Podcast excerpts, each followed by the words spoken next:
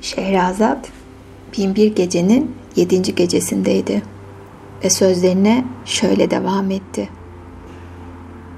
Ey bahtı güzel şahım, işittiğime göre balıklar konuşmaya başlayınca genç kız değneğiyle tavayı devirmiş ve girdiği yerden çıkıp gitmiş. Duvarda kapanmış. Bunu gören vezir ayağa kalkmış ve bu işi sultandan saklamam imkansız demiş. Sonra sultanın huzuruna çıkarak gördüklerini anlatmış.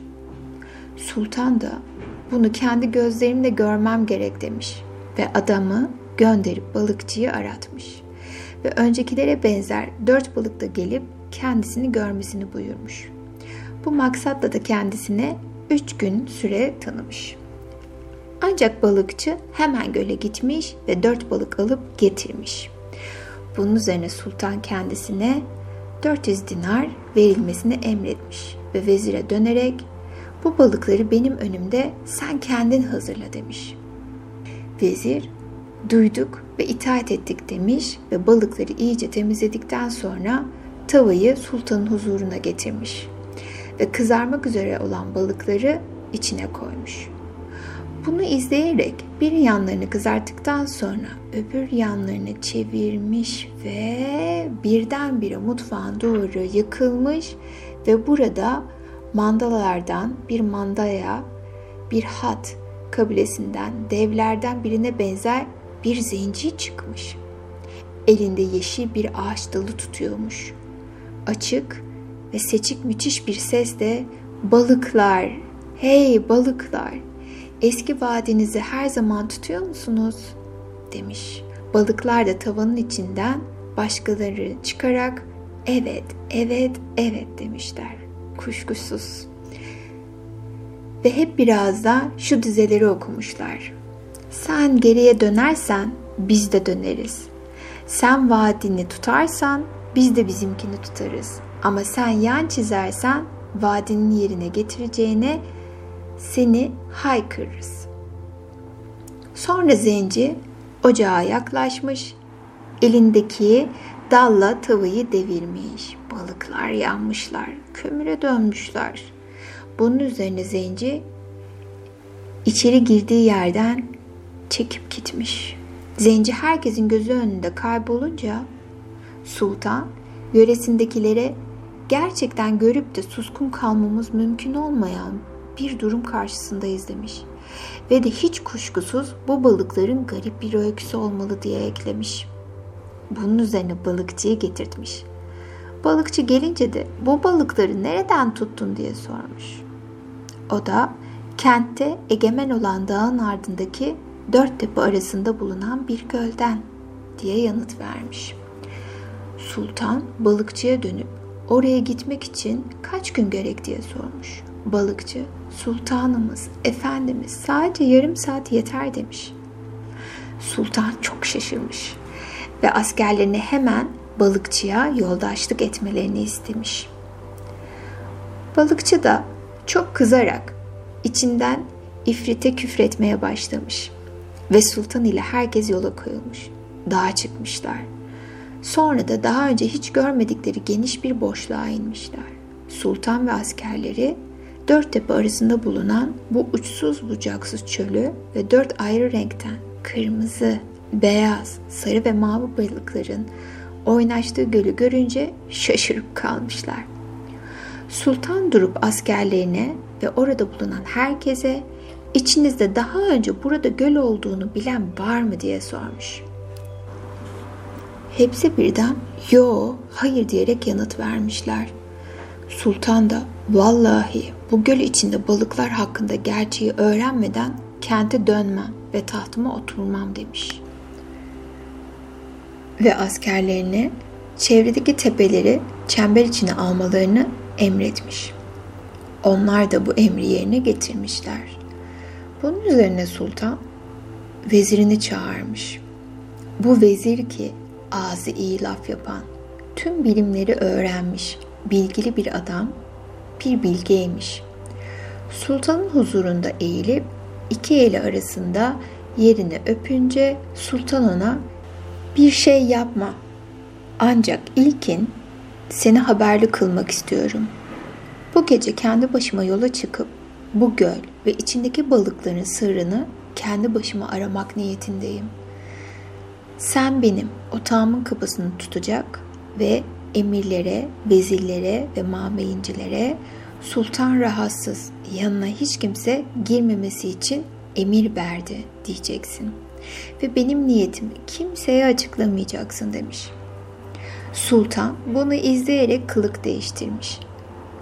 Kılıcını kuşanmış ve görünmeden çevresinde bulunanlardan uzaklaşmış. Sonra yola koyulup sıcaktan bulanıp dinlenmek zorunda kalasıya kadar durmaksızın bütün gece sabaha kadar yürümüş.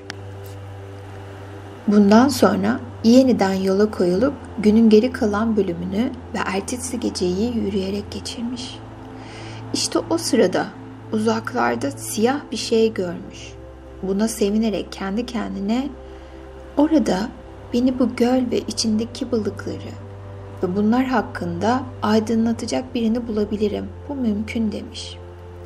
Bu siyah şeye yakınlaşırken bunun çelik levhalarla pekiştirilmiş ve tamamıyla kara taşlarla inşa edilmiş bir saray olduğunu ve de kapısının bir kanadının açık, ötekinin kapalı olduğunu görmüş. Buna sevinmiş. Kapının önünde durarak yavaşça çalmış kapıyı.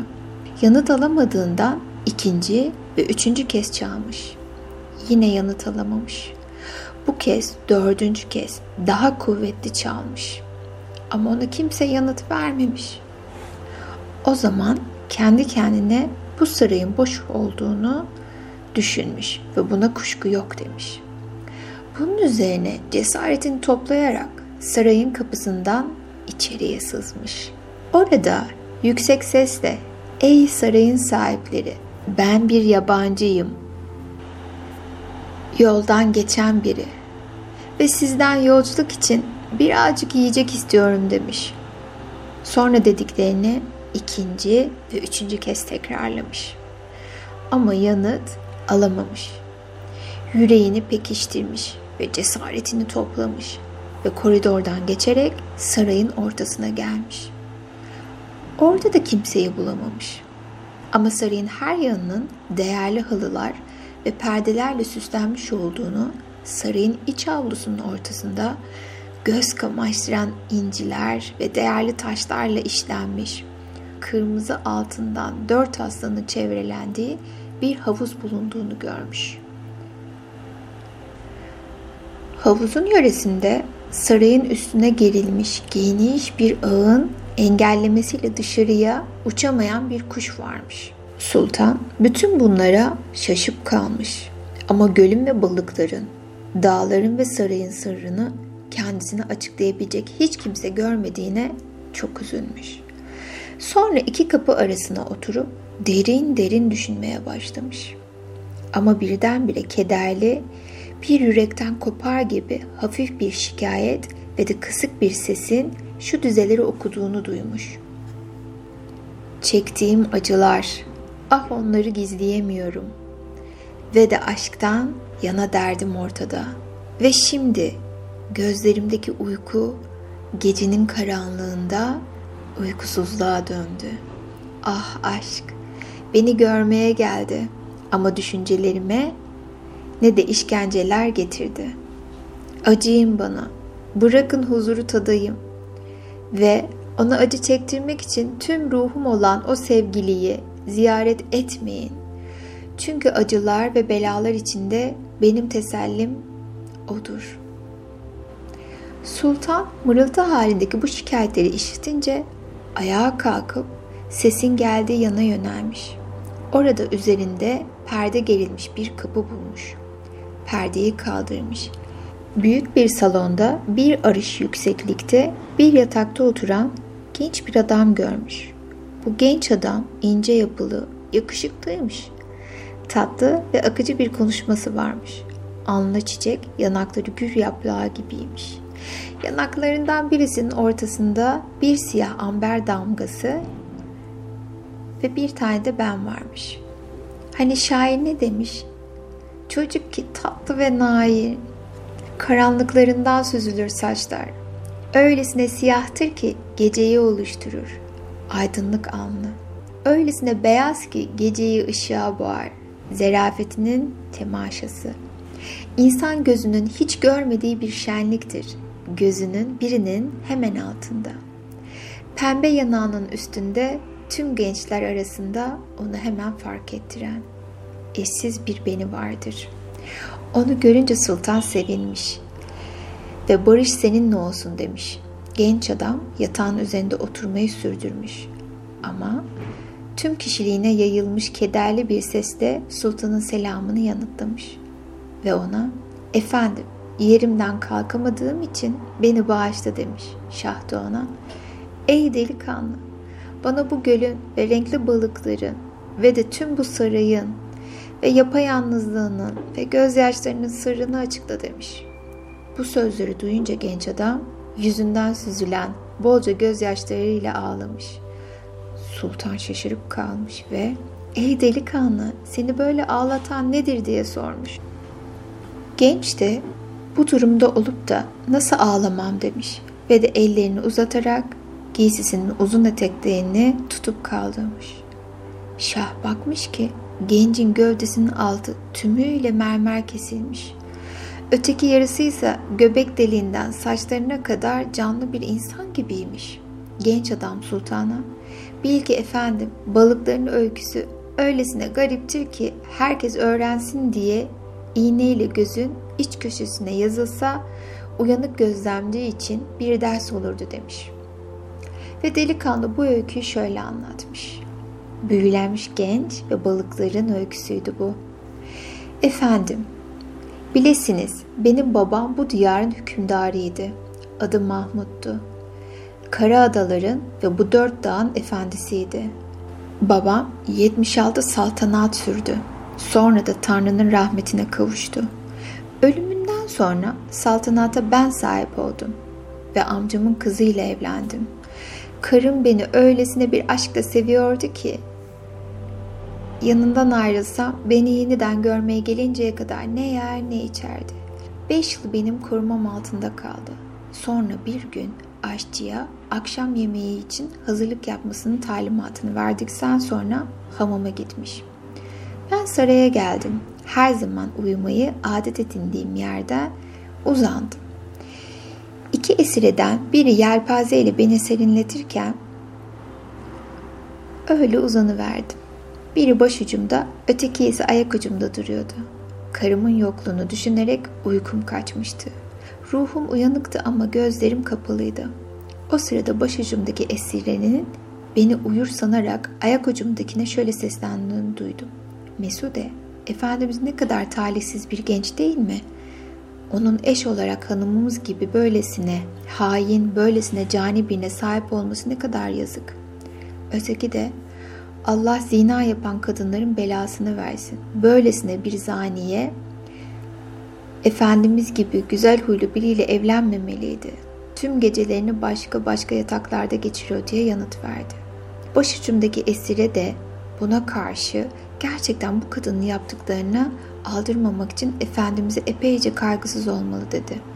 Öteki de bunu nasıl söylersin? Efendimiz onun yaptıklarından kuşku duymuyor ki. Yoksa onu bu denli özgür bırakır mıydı sanıyorsun?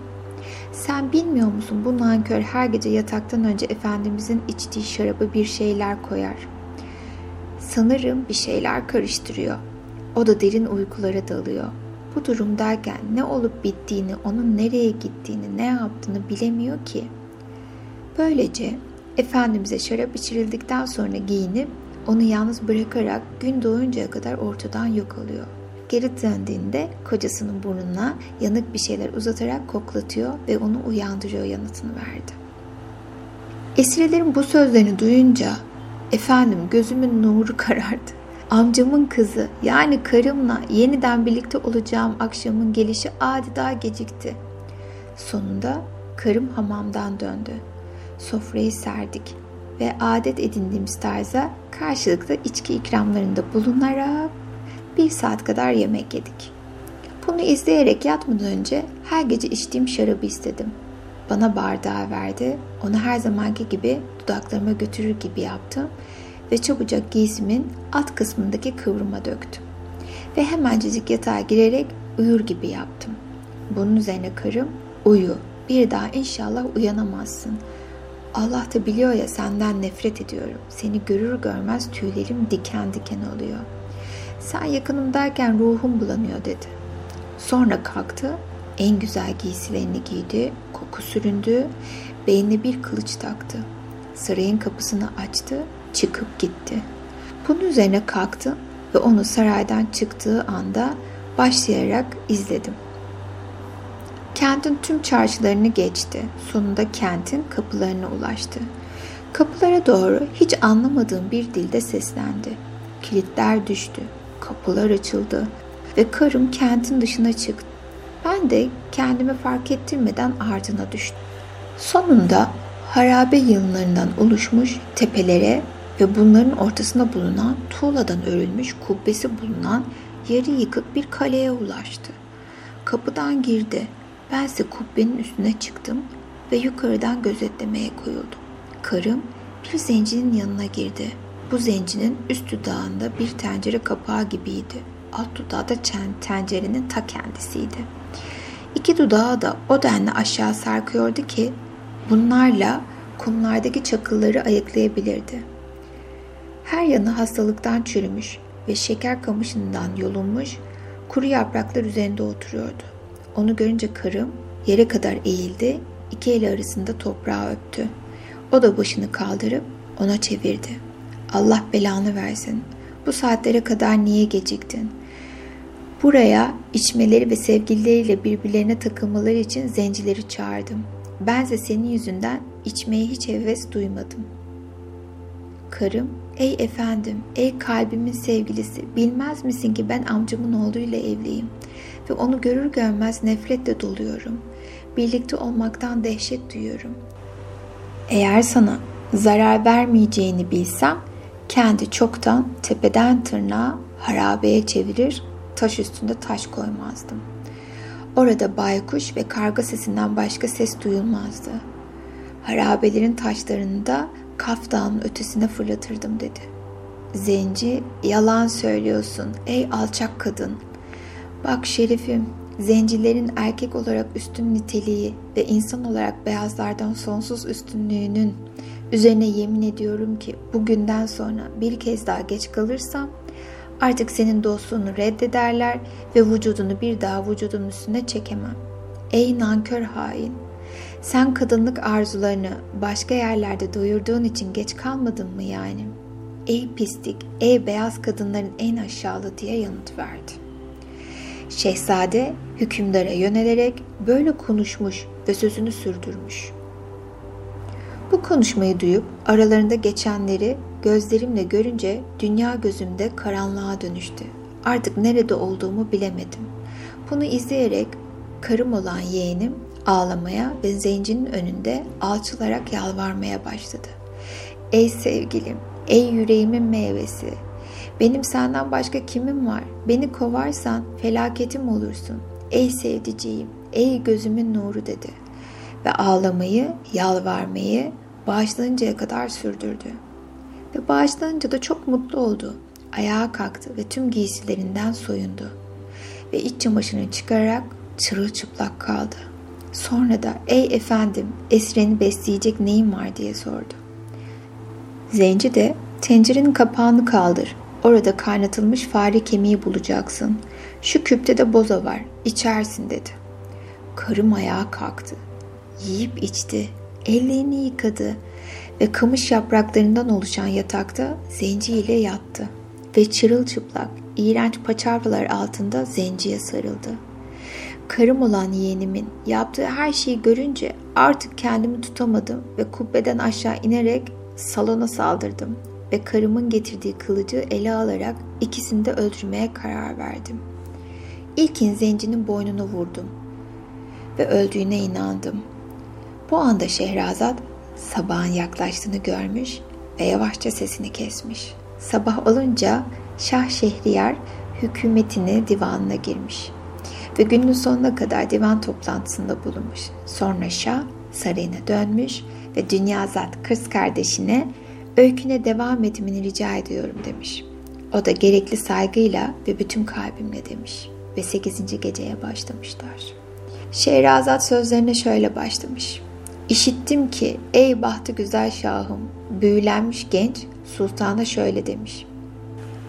Kafasını kesmek üzere zenciye vurunca aslında boğazını deri ve et olarak kesmişim.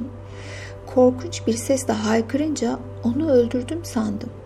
Karım olan yeğenim bu sırada derin uykulardaydı.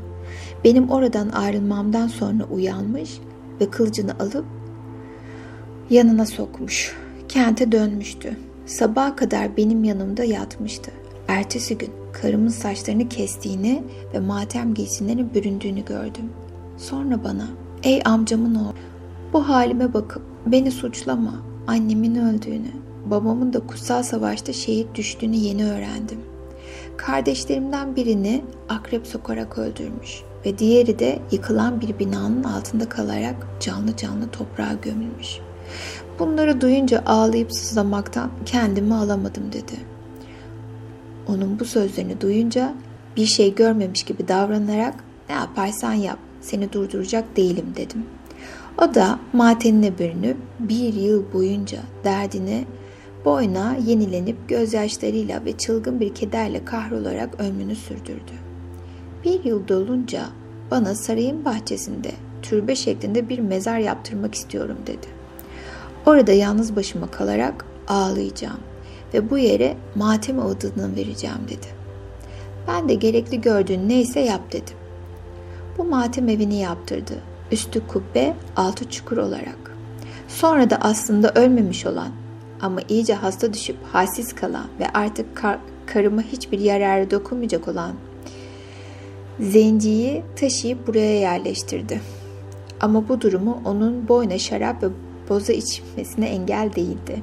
Ancak yaralandığı günden sonra hiç konuşamadı ve vadesi dolmadığı için yaşamını sürdürdü. Ve karım her sabah ve akşamları türbede onun yanına gidip çılgınca gözyaşları dökerek dövünmesini sürdürdü. Ona içsin diye içki, et suyu verdi. Bir yıl daha sabah akşam bu tutumunu terk etmedi ve ben sürekli olarak ona katlandım. Ancak bir gün ansızın yanıma girince karımı ağlayıp ellerinin yüzüne çarparken buldu ve üzgün bir sesle şu dizeleri okuduğunu duydum. Sen gittin gideli ey sevgili, insanlardan soğudum, yapayalnız yaşadım. Çünkü sen gittin gideli kalbim sevmeyi unuttu. Ama bir gün döner de sevgilini ararsan yalvarırım bedenimi kollarına al ve mezarının yanı başında bana da bir yer ayır. Eğer bir gün dönersen ey sevgili, sesin eskisi gibi adımı sevgiyle ansın. Mezarımda bana seslen ama sen yanıt olarak kemiklerin birbirine çarpmasından doğan hazin sesten başkasını duyamayacaksın. Sızlanmalarını bitirince elimde kınından sıyrılmış kılıçla ona ey haine, geçmiş ilişkilerini inkar eden ve dostluğunu çiğneyen nankörce sözlerini duydum deyip kolunu kaldırarak bana vurmaya hazırlanınca birden ayağa fırladı ve zenciyi benim yaraladığımı anlayarak anlamını kavrayamadığım sözler sarf ettikten sonra büyünün faziletiyle yarı taş yarı insan ol diye beni lanetledi. Ve hemen o anda efendim bu gördüğün hale geldim. Ne kıpırdayabiliyorum ne bir harekette bulunabiliyorum. Böylece ne ölü ne de canlı sayılırım artık. Beni bu hale koyduktan sonra hükmettiğim dört adayı da büyüledi ve onların ortasında göl bulunan dört dağ dönüştürdü. Teabımı balığa çevirdi. Hepsi bu kadar değil. Her gün bana işkence ediyor. Deriden bir kemerle beni kamçılıyor. Kanım sızıncaya kadar yüz kere vuruyor. Sonra da giysilerimin altına çıplak bedenimin tüm üst bölümünü kapsayan kıllı bir giysi koyuyor. Öyküsünün burasına gelince genç adam ağlamaya başladı ve şu dizeleri söyledi. Adaletini beklerken yüce Tanrım ve de vereceğim hükmü sabırla susuyorum. İradenin böyle olduğuna inanarak. Ama felaketimin içinde boğuluyorum. Senden başka sığınacak limanım yok Rabbim. Ey kutsal peygamberinizin tapındığı Tanrım. Bunu duyan sultan genç adamı dönerek sen benim dertlerimi dert kattın. Söyle bana bu kadın nerededir diye sormuş. Genç adam kubbenin altında yatan zencinin yanında. Her gün buraya geliyor, bana yaklaşıyor, beni soyuyor, beni kamçılıyor, bense ağlıyor, haykırıyorum. Ama ona karşı kendimi savunmak için hiçbir hareket yapmıyorum.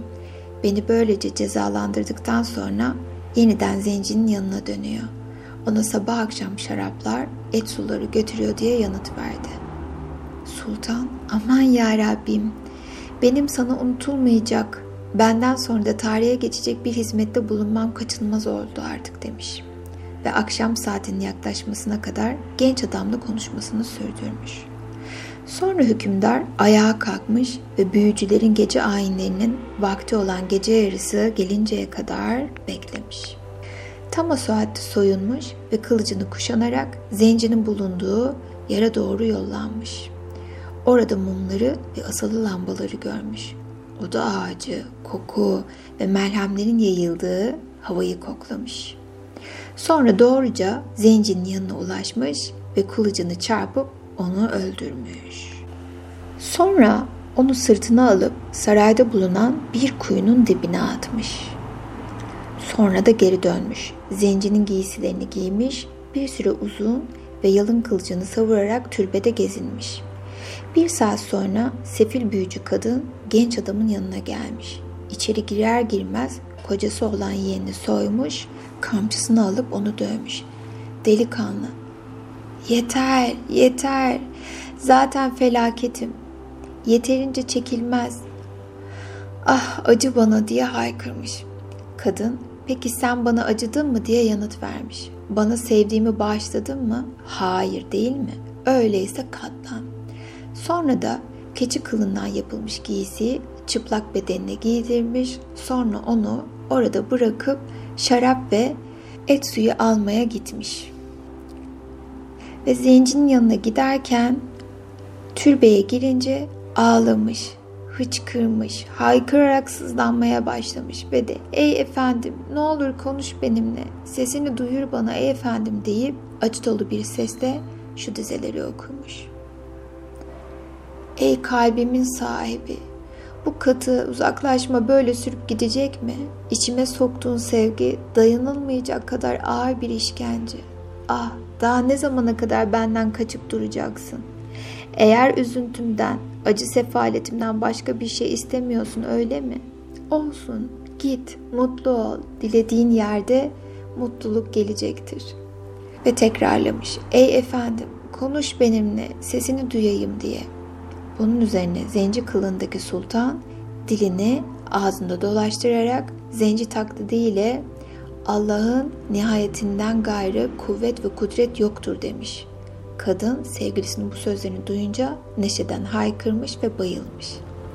Sonra kendine gelerek ''Oh efendim artık iyileştin mi?'' diye sormuş. Hükümdar sesini değiştirerek zayıf bir tınıyla Ah alçak, sana seslenmeye hiç de layık değilsin demiş. Kadın, neden ama diye sormuş. Çünkü gün boyunca kocanı cezalandırmaktan başka bir şey yapmıyorsun. O da bağırıp yardım istiyor. Ve bütün bunlar sabaha kadar geceleri uykumu dağıtıyor. Kocansa durmadan yalvarmaktan ve bağışlanmaktan başka bir şey istemiyor. Öylesine ki sesi tüm uykumu alıp götürüyor.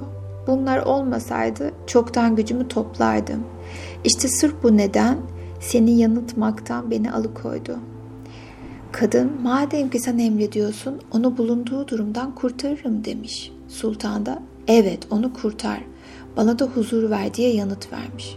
Kadın emrin başım üstüne deyip ayağa kalkarak türbeden çıkmış.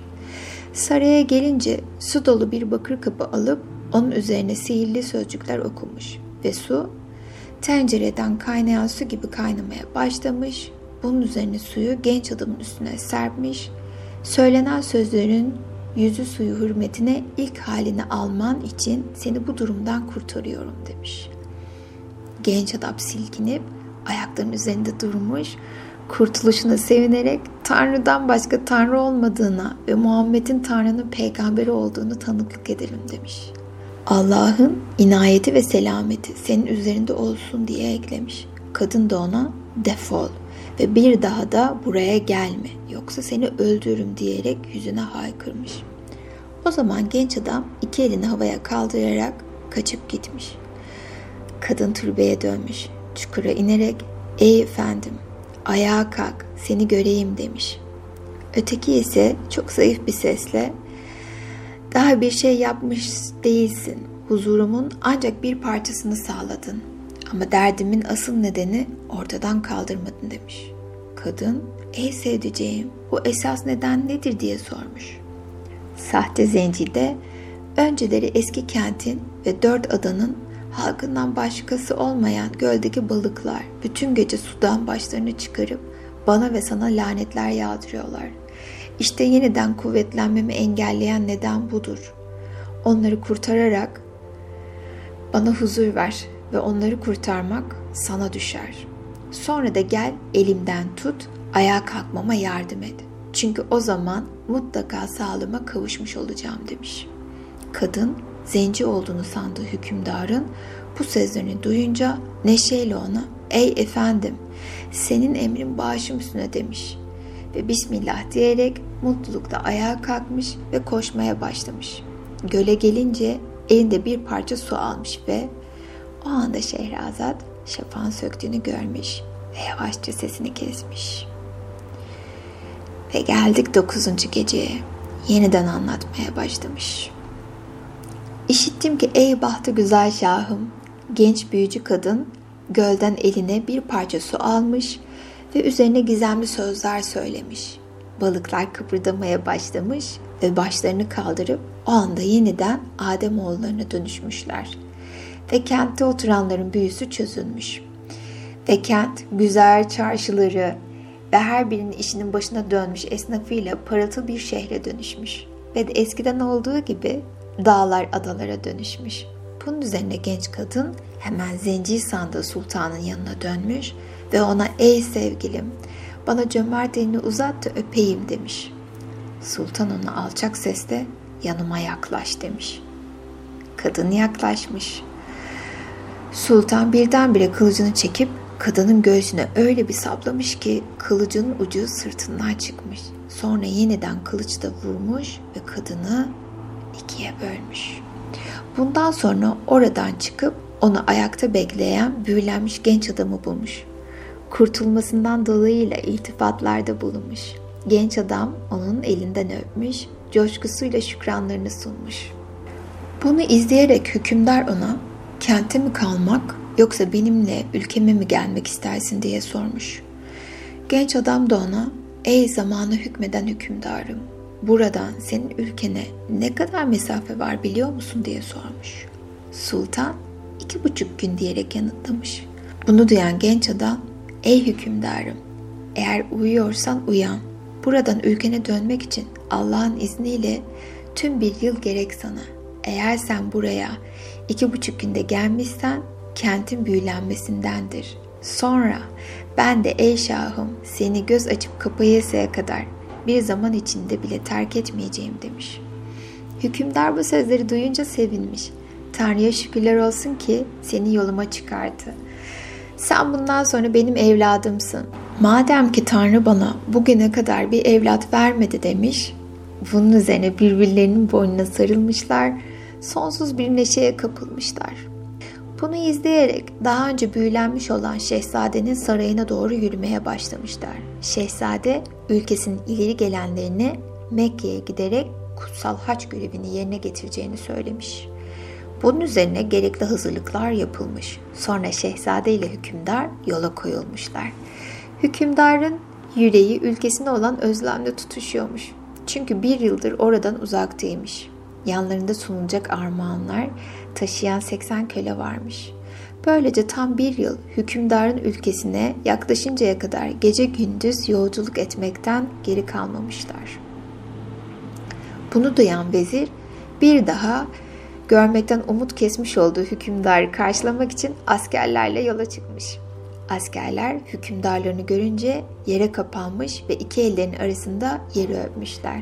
Ona beyanı hoşemeti eylemişler.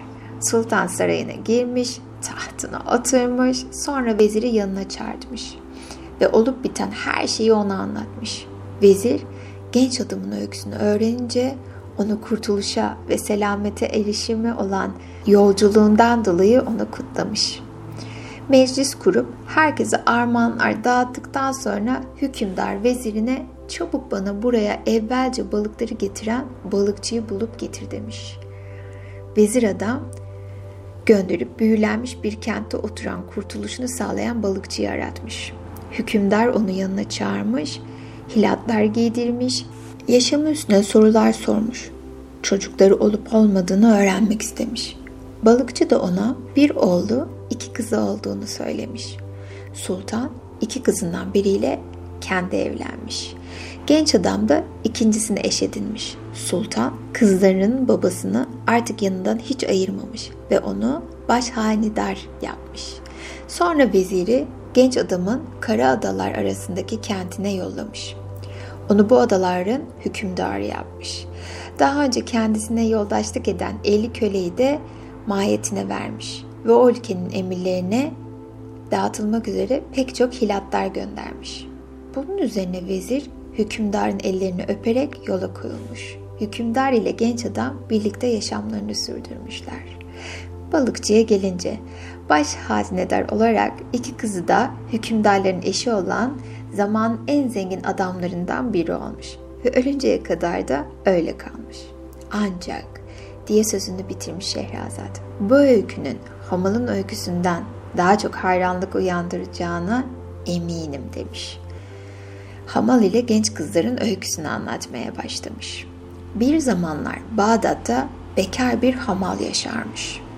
Günlerden bir gün çarşıda küfesine kaygısızca yaslanmış otururken Musul kumaşından nakışla duple edilmiş ve altından payetler serpilmiş ferah çarşafına bürünmüş bir hanım önünde durmuş.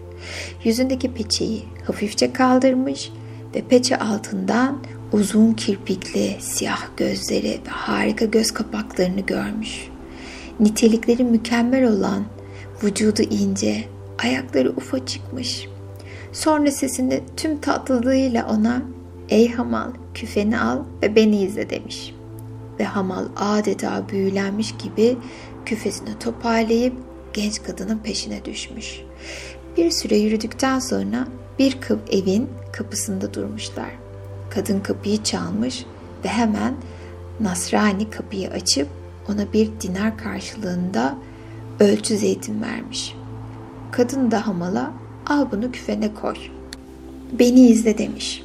Hamal da aman ya Rabbi ne mübarek gün bu böyle diye haykırmış. Küfesine yüklenip genç kadını izlemiş.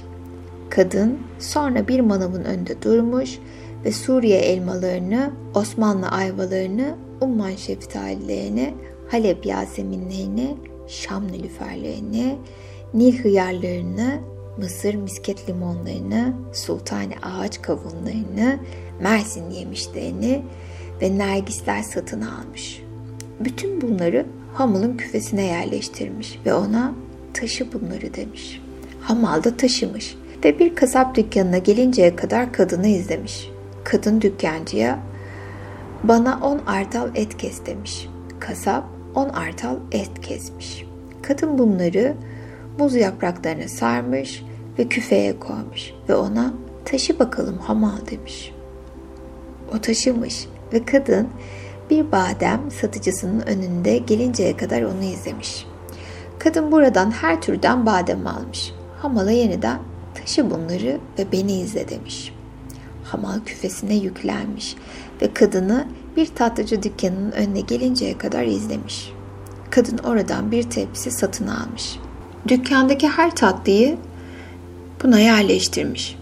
Açma şekerli, kaymaklı tatlı, miskle kokulandırılmış fıstıklı, nefis kadife gibi bir başka hamur işi, sabun adı verilen bisküviler, küçük pastalar, limonlu turtalar, lezzetli şekerlemeler. Bir sürü tatlı varmış. Katı lokması, sufle halinde küçük tatlılar, ve yine Zeynep'in tarağı denen tereyağı, bal süt ile yapılmış bir başka tatlı satın almış. Sonra tüm bu tatlı çeşitlerini bir tepsiye dizmiş ve tepsiyi de küfeye yerleştirmiş. Bunu gören hamal, bana daha önce haber verseydin bütün bu yiyecekleri taşısın diye eşekle gelirdim demiş. Kadın bu sözlere gülmüş. Sonra da bir kokucunun dükkanına girmiş. Oradan on tür koku almış. Suyu, portakal çiçeği ve diğerlerini. Ve de bir ölçü mest amber yağı almış. Aynı zamanda miskle karışmış gül kokusu serpen bir gülaptan almış. Erkek kokusu saçan tohumlar, sarı sabur ödü, misk, en sonunda da İskenderiye kökenli mumlar satın almış.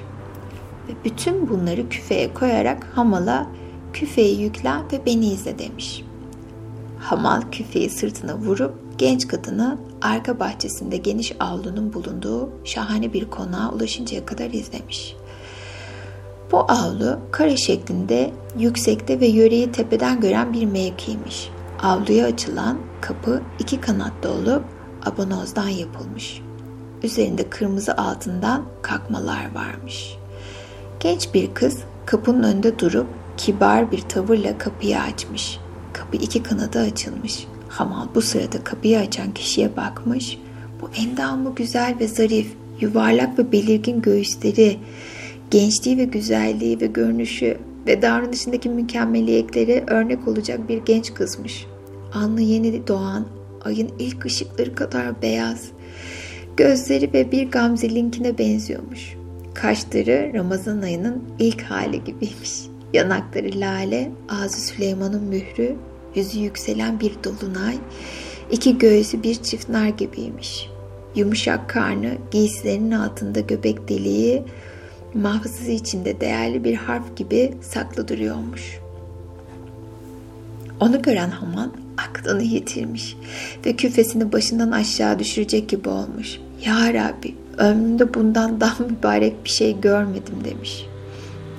Bu genç kız kapının ardından alışverişi yapan kız kardeşi Hamal'a giriniz gelişiniz hayırlı olsun demiş. Bunun üzerine içeri girmişler ve orta avluya açılan geniş bir salona ulaşmışlar. Salon altın ve ipekle işlenmiş örtüler, altın kaplamalı mobilyalarla, vazolar ve oymalı işlemeler, itinayla kapatılmış perdeler ve gardıroplarla süslenmiş. Salonun ortasında göz kamaştıran inciler ve değerli taşlar, kakılmış mermer bir yatak varmış. Bu yatağın üstüne kırmızı satenden bir örtü örtülmüş. Yatağın üstünde gözleri Babil melekleri kadar güzel, boyu elif gibi uzun ve ince, yüzü doğan günü utandıracak kadar parlak, harika bir genç kız oturuyormuş. Sanki gökte parlayan yıldızlardan biri gibi. Şairin belirlediğine benzer. Arabistan'ın gerçek soylu kadınlarından biriymiş bu.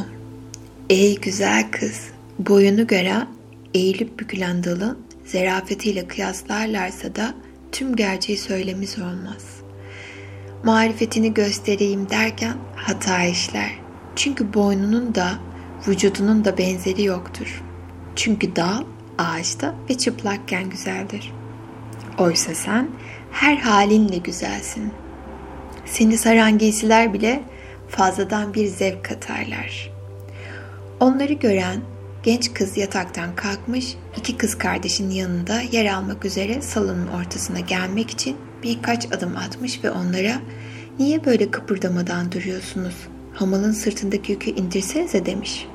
Bunun üzerine alışveriş yapan kız hamalın önüne kapıyı açan kız da arkasına gelmiş.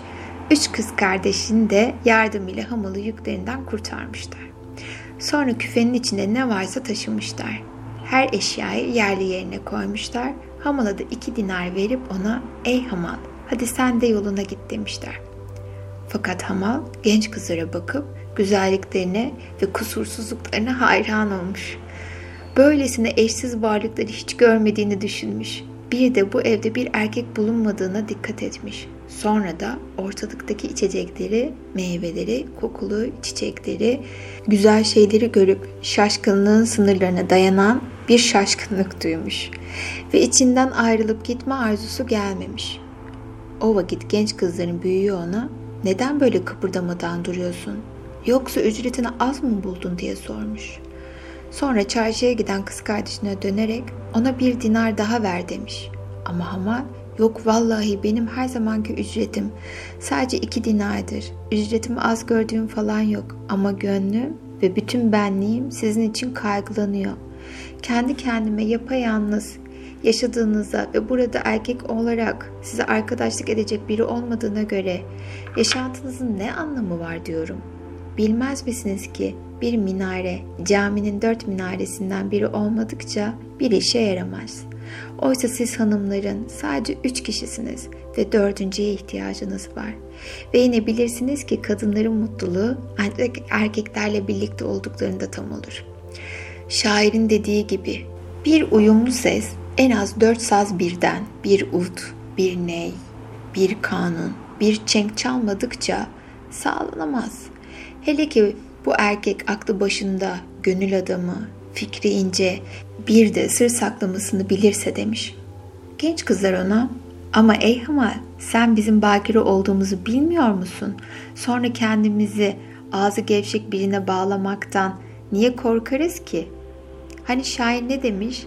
Sırrınızın başkasına açmaktan sakınız. Çünkü açıklanan bir sır artık sır olmaktan çıkar demişler.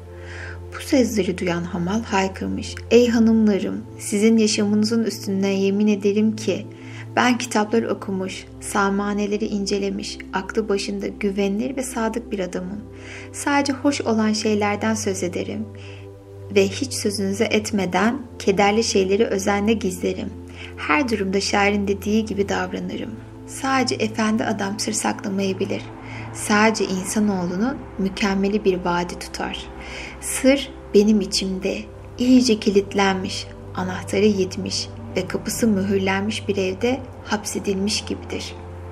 Hamal'ın okuduğu bu dizeleri dinleyen ve kendilerine okunan dörtlükleri ve ölçekli ve uyaklı sözleri duyan kızlar çok yumuşamışlar. Ancak sadece nazlanmak için ona biliyorsun ki ey Hamal bu konak için pek çok para harcadık. Üzerinde bizim zararımızı karşılayacak kadar para var mı? Çünkü seni ancak para harcaman koşuluyla meclisimize kabul ederiz.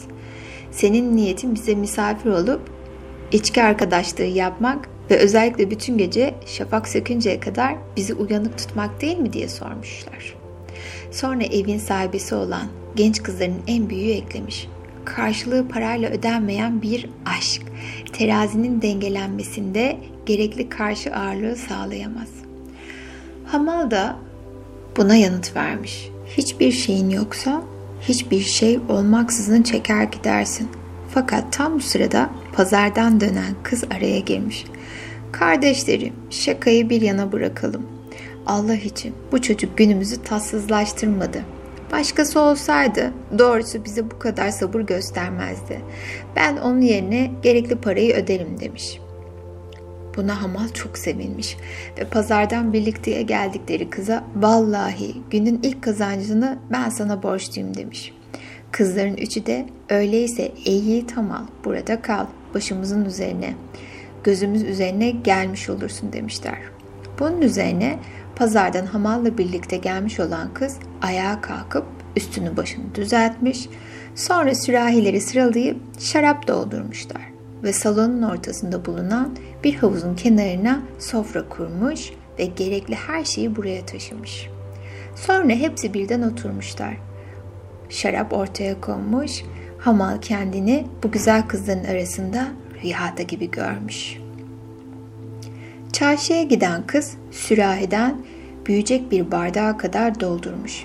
Aynı bardaktan hepsi içmiş. Sonra ikinci, sonra üçüncü kez içmişler. Sonra kız bardağı yeniden doldurmuş, bunu da kardeşlerine ve Hamal'a sunmuş. Hamal şu dizeleri okumaya başlamış. İç şu şarabı, tüm neşelerin nedenidir o. İçine kuvvet verir, sağlık verir, tüm hastalıkları iyi eden tek ilaçtır o. hiç kimse tüm neşelerin nedeni olan şarabı hoşça duygulanmadan içmez. Sadece sarhoşluk şevheti doyurmayı sağlar. Sonra üç genç kızın da ellerini öpmüş ve bardağı dikmiş kafasına. Sonra ev sahibinin yanına gitmiş ve ona ''Ey hanımım, ben senin kölenim, senin eşyan, senin malınım.'' demiş. Sonra da onun onuruna şairin şu dizesini okumuş. Kapında gözlerinin kölesi ayakta durmaktadır. Belki de kölelerin en aşağılığı. Ama hanımım bilir o. Cömertliğinin farkındadır ve iyiliklerinin de ve özellikle ona olan şükranımın. Bunu duyan kız da hiç ey dostum bu içki sana sağlık versin, rahatlık versin ve de gerçek dirginliğin getirdiği kudreti sağlasın demiş. Hamal da bardağı alıp genç kadının elini öpmüş ve tatlı bir uyumla yavaşça şairin şu dizelerini okumuş. Dostuma yanakları gibi parlak şarap sundum. Yanakları öylesine parlaktır ki ancak bir alev onu bu parlaklığı yansıtmıştır. Sanırsın. Onu alır gibi yaptı ama gülerek dedi ki sonra nasıl benden kendi yanaklarımı içmemi istersin? Ben de ona ey kalbimin alevi Al bu şarabı iç. Benim gözyaşlarımdır. Bu ve ve de kızıllığımın akından gelir. Bu ikisinin de kadehteki karışımının tüm benim ruhumdur dedim. Genç kız hamaldan bardağı almış, dudaklarına götürmüş, sonra gidip kardeşlerinden birinin yanına oturmuş. Ve sonra hepsi birden raks etmeye, şarkı söylemeye ve birbirlerine çiçekler atmaya başlamışlar. Bütün bunlar olurken hamal onları kollarına alıyor ve öpüyormuş.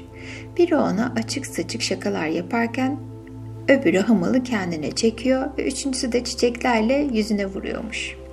Böylece içki zihinlerini bulandırıncaya kadar içmeye devam etmiş. İçki onlara tamamıyla egemen olunca kapıyı açan kız ayağa kalkmış. Sonra da hamala şimdi başını çevir ve buradan bas git demişler.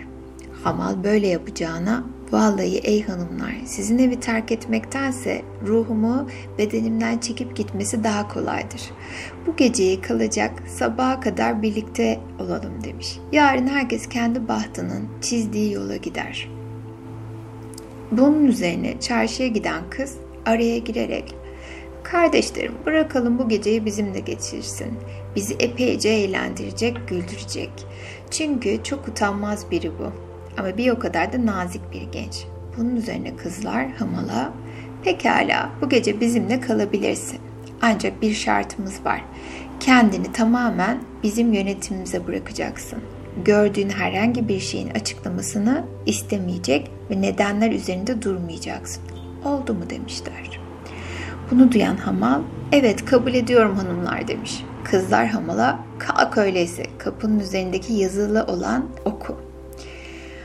Hamal kalkıp kapının üzerinde altın yaldızlı harflerle yazılı olan şu ibareyi okumuş. Hoşuna gitmeyen şeyler işitmek istemiyorsan seni ilgilendirmeyen konularda konuşma. Sonra da Hamal, hanımlarım sizi tanık tutarım ki beni ilgilendirmeyen konularda hiç konuşmayacağım demiş. O anda Şehrazat şafağın söktüğünü anlamış ve yavaşça susmuş. Ve siz de şimdi güzel bir uykuya dalıyor ve kendinizi hiç olmadığınız kadar derin bir uykunun güzelliğine bırakıyorsunuz ve sabahleyin uyandığınızda kendinizi dinlenmiş, umutlu ve sağlıklı hissederek uyanıyorsunuz. Güzel uykular.